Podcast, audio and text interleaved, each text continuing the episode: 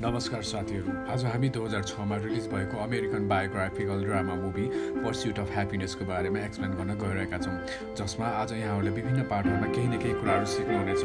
यो मुभीको story Chris Gardner जो अमेरिकन अरबपति हुनुहुन्छ उहाँसँग प्रेरित छ। उहाँले यस मुभीमा क्यामियो एपिरेन्स पनि गर्नुभएको छ। यो मुभी संसारका बेस्ट मोटिभेसनल मुभीहरूमध्ये एकमा पर्छ। यसमा एउटा साधारण व्यक्ति आफ्नो सबै कुरा गुमाएर पनि कसरी अगाडि बढ्न सक्छ र मेहनत गर्यो भने जुनसुकै सफलता पनि हासिल गर्न सकिन्छ भनेर एकदमै राम्रो रूपसँग प्रेजेन्ट गरेको छ।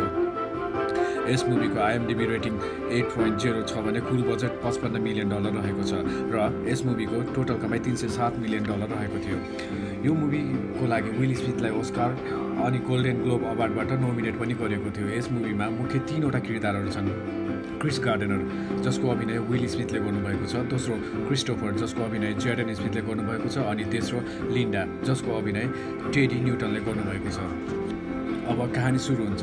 कहानीको सुरुवात क्रिस गार्डेनरको सानो फ्यामिलीबाट हुन्छ। क्रिस बोन डाइडेसिटी टेस्ट गर्ने स्क्यानर मेसिन बनाउने कम्पनीमा काम गर्ने हुन्छ जो हड्डी चेक गर्ने मेसिन हुन्छ। क्रिस लाइफमा जहिले पनि अगाडि बढ्न चाहन्थे त्यसै कारण उनले आफूसँग भएको सबै पैसाले उक्त मेसिन खरिद गर्छन् र आफ्नो जब छोडिदिन्छन् तर भाग्यले साथ दिँदैन। क्रिसले किनेको मेसिन मार्केटमा फ्लप हुन्छ जसले गर्दा क्रिसलाई मेसिन बेच्न धेरै गाह्रो हुन्छ। जसले गर्दा क्रिसको फाइनेन्सियल कन्डिसन डाउन हुँदै जान्छ। अब क्रिसको बच्चाको स्कुलको खर्च घर भाडा खर्च रासन पानी सबैको खर्चको बर्डन क्रिसको श्रीमती लिन्डामाथि आइपर्छ। त्यही म्यानेज गर्न लिन्डालाई डबल सिफ्ट काम गर्नुपर्ने हुन्थ्यो। यसै कारण क्रिस र उसको श्रीमती बिच तनाव बढ्न सुरु हुन्छ र दुईजना बिच भनाभन हुन थाल्छ जसमा क्रिसको कुनै पनि गल्ती हुँदैन। गल्ती थियो त केवल भाग्यको। समय एकदमै नराम्रो चलिरहेको थियो। क्रिसलाई आफ्नो घर खर्च चलाउनको लागि कम्पलसरी दुईवटा मेसिन बेच्नै पर्ने हुन्थ्यो। एक दिन क्रिस आफ्नो मेसिन एकजना डक्टरलाई बेच्न लाग्दा उसको गाडी पुलिसले लिएर जान्छ किनकि उसले गाडी नो पार्किङ जोनमा पार्क गरेको थियो।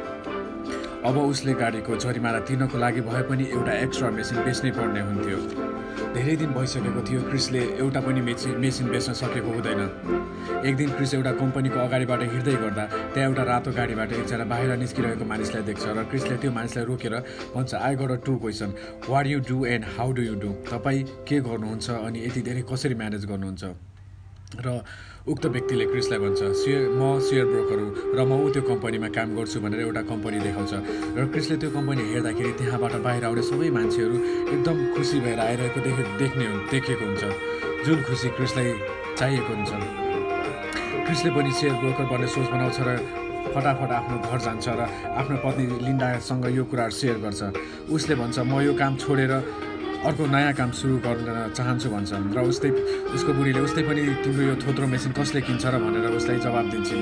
क्रिसले म सेयर ब्रोकर बन्न चाहन्छु लिन्डा भन्छ।